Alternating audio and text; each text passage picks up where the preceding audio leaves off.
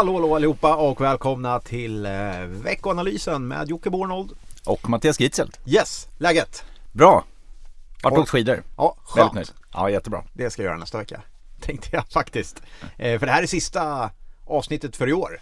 Ja, så kör vi nästa år igen. Ja, sen drar vi igång 13 januari tänkte jag att vi drar igång igen. Ja, härligt. Och, eh, Nya tag. då tar vi nya tag ja. Det lär ju hänt lite Skönt också. att- Det- Ja, det lär ju ha hänt en hel del under den perioden i och för sig. Även om det känns Ja. lite skönt att eh, stänga ner butiken en stund. Vad gjorde du förra julafton? Jag satt bara i telefon. Ja, det, det var hysteriskt. Eh, det var hysteriskt. Eh, ja, det är nackdelen med att USA är öppet på julafton. Man får men då, då föll det ju rejält. Det var ju Ja, faktiskt eh, en ganska kraftig, eller det var en riktigt kraftig nedgång på, i New York. Så att, ja, jag kommer ihåg att prata med alla möjliga. Mm. TT och allt vad det var. Juldagen, åkte in på kontoret här där vi sitter nu och spelar in en intervju med Sveriges Television kommer jag ihåg. Eh, De bara, kan vi spela in på något kontor? Vi vill ju ändå ha lite action så här. och ingen Jag här. låtsas. Och ingen som tänkte på att det var juldagen då. Ja, så var det. Jag hoppas på en lugnare eh, variant den här eh, den här veckan faktiskt. Det är bra upplägg. Det är ju julafton tisdag så det är så här klämdagar. Man kan liksom stöka till det. Så att jag hoppas faktiskt att det blir lugn och ro. Yep. Det är vi värda. Eller ja, det vet jag inte om vi är värda. Men det vore skönt om det blev så. eh, om det inte blir något jättestök på eh, marknaden. Det vet man aldrig. Eh, Nej, alltså det Och- ser ju ändå ut som att vi får eh, inte motsvarande Mm. december förra året. För då var det ju väldigt stökigt. Då gick det ner Ja. en 20% under ja, ganska snabb takt. mm. Eh, och allt blev mycket sämre snabbt. Och nu ser det ut som man kanske får handelsavtalet på plats. Eh, det. Brexit verkar vi ändå veta vart det tar Ja. vägen nu efter valet Saker och ting går åt rätt håll Så, den här ja men tycker jag. julen. Så. här. Mm. Ja. Sen, sen får vi se. Men det, det, vi kanske tar problemen nästa år igen. Ja. Eh, många har åsikter om Boris Johnson. Eh, Ja, men eh, en majoritet i parlamentet är ju klart positivt för att få igenom Brexit i alla fall. Eh, Exakt. Och, och kunna gå vidare efter det. Det känns ju faktiskt som att ett eh, parlament som kan ta ett beslut, det, det måste man se som positivt eh, ur ett ekonomiskt synvinkel i alla fall, eller en marknadsperspektiv. Ja, framförallt jag tror också för marknaden tar bort lite osäkerhet nu. Att vi Ja. vet att det här är spåret och han, han kommer köra på i ganska snabb takt nu. Nu ska det ju röstas här på fredag liksom om Brexit-förslag i parlamentet. Och eh, ja, det kommer allmänt liksom, vi, jag gissar att den här deadlinen sista januari håller nu.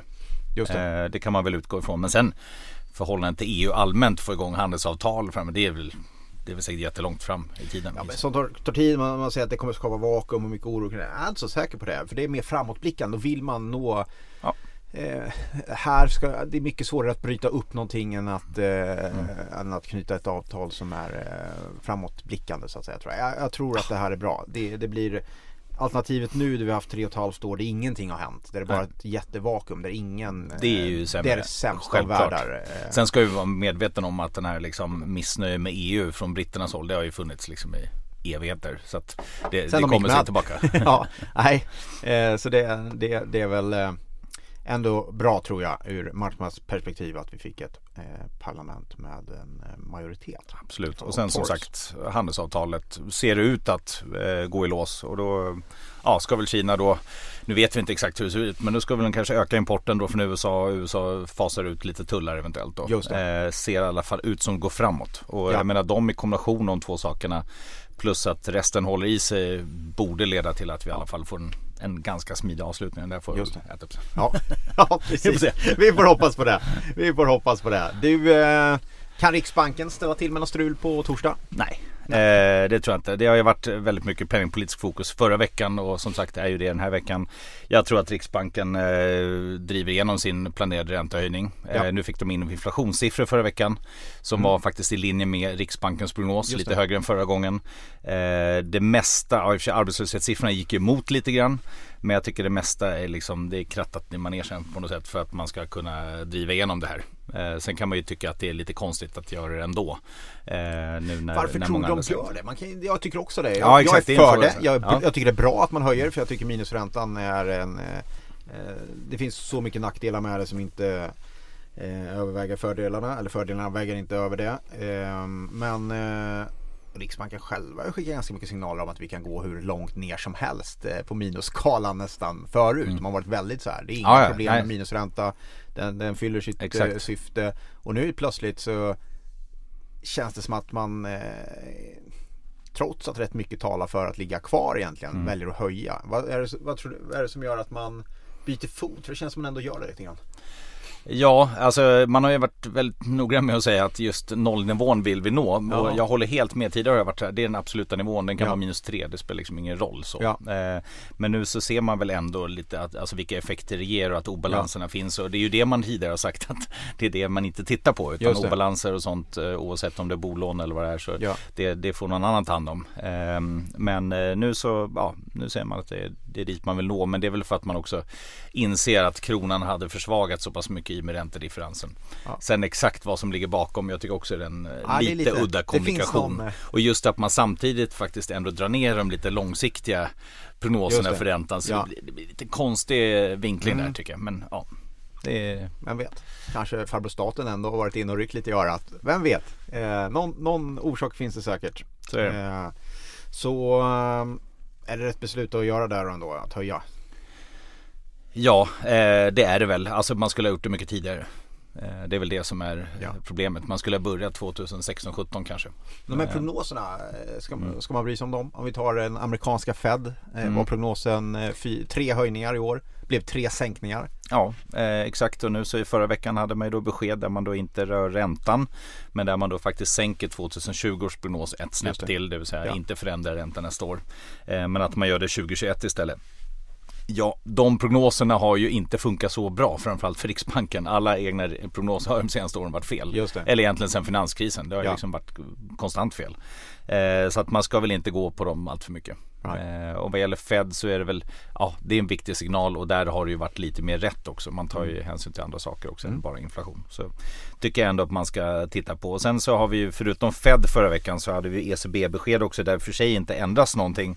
Men där man ändå med eh, nya ordförande Christine Lagarde då, där man då ändå säger att man drar igång den här strategiska översynen, ett litet helhetsgrepp i januari. Ja. Eh, och där man tittar på liksom ja, allt ifrån eh, nuvarande, eh, om man ska ändra inflationsmått eller effekter från teknologi, klimatförändringar och så vidare. Så det tycker jag ändå är eh, lite intressant att hålla utkik efter framöver. Men det är mm. inget som liksom förändrar situationen just nu.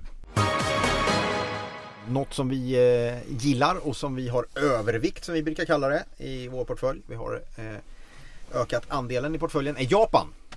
Och det ja. pratar vi lite grann om i dagens veckoanalys faktiskt. Exakt, lite mer finansspråk där. Fördelaktig mm. risk-reward. Ja, vad betyder det? Nej, men det är väl att man både ser, eh, eller att det är värt att ta en risk liksom. Mm. Eh, man, man, får, man blir belönad av ja. att, att, ta en risk i, i Japan. För det är ju lite så här, Japan är ju väldigt konjunkturkänsligt. Mm. Eh, har ganska stor export och liksom en cyklisk sektorsammansättning kan man säga. Och, eh, och naturligtvis om konjunkturutsikterna förbättras så är det positivt. Eh, samtidigt så har man en ganska svängig valuta och vi påverkas ju naturligtvis av det.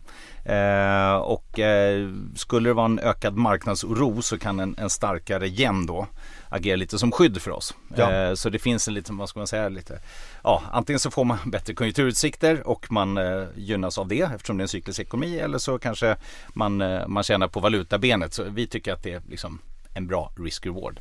Eh, och vi har väl allmänt tyck, tyckt att eh, just i den här tiden av massa politiska risker eh, och visst handelskriget har ju drabbat Japan som ekonomi men vi tycker till exempel jämfört med Europa som också har en cyklisk ekonomi men där du har Brexit och massa osäkerheter så har vi liksom föredragit Japan. Mm. Och till det kommer också att vi i eh, Japan har en, eh, en ganska låg värdering på aktiemarknaden som är lägre än, eh, än många andra marknader framförallt eh, som inte sticker ut om man tittar på, på historiken. Och där man då ser på aktiemarknaden också att det liksom finns aktieägarvänliga reformer där kapitaldistributionen snarare ökar, där vissa lönsamhetsförbättringar sker. Så vi tycker att Japan liksom har ett par saker som, som har lockat oss. Ja. Ehm, samtidigt så är liksom vinsterna ganska låga. Avkastning på eget kapital är fortfarande ganska lågt ja. om vi jämför med USA. Men vi tycker ändå att det finns viss förbättringspotential. Nackdelen är ju naturligtvis att man har hela den här demografiska strukturen emot sig. Ehm, och en jättehög statsskuld och andra saker. Men, P12 14-ish. Ja exakt, liknande mm. Europa. Mm. Eh, ungefär samma men. För de som har ehm, investerat länge i Japan så låter ju det som eh, rea. Man kommer ihåg när 25-30 inte var någon eh, Nej. Eh, ko på isen när det kom till japanska aktier. Men det har förändrats ganska mycket de senaste åren. Ja. Eller efter finanskrisen kanske. Ja, så är det absolut. Och Japan har ju varit en väldigt tråkig investering ganska länge egentligen. Eh, det har ju efter, liksom, ja, efter bubblan i slutet av 80-talet så har det ju liksom gått upp under ett par års tid när man har stimulerat och sen så har man tagit bort stimulanser så har det fallit tillbaka och över tid så har det knappt blivit någon vinsttillväxt eller ja, tillväxt på börsen eller någonting. Men vi tycker ändå att det finns vissa saker som, mm. som lockar oss. Jag vet inte om vi sa det men eh, Eh, hög, det sa du, hög statsskuld eh, mm. talar emot Japan. Men mm. det som talar för är ju att bolagen däremot är välkapitaliserade. Ja, exakt. Så där, eh, och med lite nya liksom, återköpsprogram och sådär ja. så, så borde det Finns lite stöd där. Eh, borde kunna ge lite stöd och sen kommer det faktiskt också, alltså i och med att man inte har penningpolitiska möjligheter. Man ligger ju precis som många andra delar av världen på nollränta eller, eh, och det gör ju att eh, det landar mycket på finanspolitiken och där kommer det nya stimulanser. Så då kanske det finns lite lyft därifrån i, för bolagen också. Sen startar man ju direktlinje eh, mellan Arlanda till Tokyo så, så det lär inte bidra någonting. Men är du sugen på att åka dit och kolla så, ja. så kan man göra det. Jag ska faktiskt till Japan i februari. Så ja, du ser, du ser. Eh, du får återkomma med en, eh, en rapport helt ja. enkelt. Ja, Grymt! Vad hände förra veckan då? Räntebeskedet pratade vi om. Är det någonting annat man ska ta upp? lite inflation, det har vi också pratat om va? Ja, det kom lite inflation i Sverige. Den var ju som sagt i linje med Riksbankens prognos. Vi fick arbetslöshetssiffror som var i sig, arbetslöshetssiffror som i och för sig var lite sämre. Eh, och det är ju det här, vi har ju pratat om det tidigare, det har varit lite brister i datainsamlingen. Så Just lite det. oklart där. Eh, naturligtvis hur man ska tolka det. Eh, vi fick SEV-index eh, som fortsätter att stiga. Eh, det är väl ungefär det som vi, eh, som vi tittade på förra veckan. Mm. Kommer det något annat förutom räntebesked den här veckan då? Räntebesked. Eh, vi har eh, konjunkturbarometern faktiskt också. Eh, KI-barometern. Och den steg ju senaste mätningen men eh, ligger ändå på svagare stämningsläge normalt. Det vill säga det ligger under 100 mm. eh, som är neutralläge. Eh, sen kommer en massa sentimentsindikatorer. Det är Philly Fed, Michigan Index från USA, det kommer IFO-index från Tyskland eh, och lite preliminära siffror, inköpschefsindex. Ja, ganska mycket data men jag skulle säga att eh, för svensk del så är det ju räntebeskedet i fokus. Eh, och i USA så är det väl eh, ja, lite tunnare kan man mm. säga. Skönt. Får vi lite lugn och ro då kanske. Det händer inte så mycket på aktiemarknaden heller kan jag säga. Vi hade ju, vad hade vi? Electrolux Vinstvarnar. Eh, vinstvarnar. Mm. Problem med fabrik i USA. Mm. Eh, och det som kommer under veckan här, ja, rapport från Skistar. Vi gillar ju skidor båda två så ja. vi kan fokusera lite på det. Eh, jag var faktiskt ute och pratade lite, det var en intervju med Sveriges Radio i helgen om just Skistar. Och det här är en grej som jag har lite svårt för och det är när man ger avgående VDR extra mm. eh, betalt. Mm. Och då har vi då här eh, Mats eh, Orjes heter han. Mm. Och han har gjort ett fantastiskt jobb på Skistar. Mm. Alla tolkar det som att det är kritik mot honom. Nej det är det väl inte. Grattis, du fick ut eh, en och en halv årslön till eh, mm. utöver det du redan fått. Han har haft jättebra betalt också så det är ingen synd om honom. Men det klubbades på stämman i helgen som var i Sälen att han skulle få eh, någon slags konsultarvode som ju är någon slags förtäckt eh, fallskärm på 4 miljoner kronor. Och det där, jag har lite svårt för det. Jag, jag, för det, hans avtal är väldigt tydligt. Väljer mm. du avgå så får du ingenting. Får du sparken då skulle han få en uh, halvårslön eller något sånt där. Mm. Två månader. Och så kommer bara så här, jo men uh, Du var ju konsult också. Du får vara konsult ett år. och får 4 miljoner för det. Så här, Ja, fast nu har han ju kunnat lämna över i över ett halvår. Han sa upp sig för sju månader sedan. Hur lång tid ska det ta att lämna över? Det är orimligt, tycker jag. Eh, men eh, jag tycker att det där, nej, det där är en slags eh, om, om, om storägaren tycker han har gjort ett fantastiskt jobb, då kan storägaren stå för det. Då, Annars ska man gå enligt avtal. Det är ja. därför man skriver avtal. Tycker jag. jag håller med dig. Men däremot så kommer en rapport i Skistar och så får vi se hur det går för dem. Och mycket annat.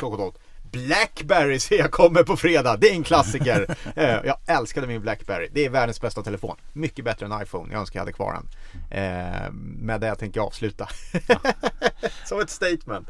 Är det H något annat man ska H&M försäljningssiffror. Det kom idag va? Kom idag. Jag har knappt hunnit titta. var lite sämre va? Lite sämre. Ja. Eh, och då sa man att ja, fast det är en kalendereffekt. Okay. Men nu är det så här. Man kan aldrig säga att en kalendereffekt är oväntad. Man kan inte göra det. Den syns i kalendern. Den är inte svår att räkna ut. Den analytiker som skyller på att han ligger fel på grund av en kalendereffekt. Han ska få sparken. För det är bara att läsa i kalendern. Punkt.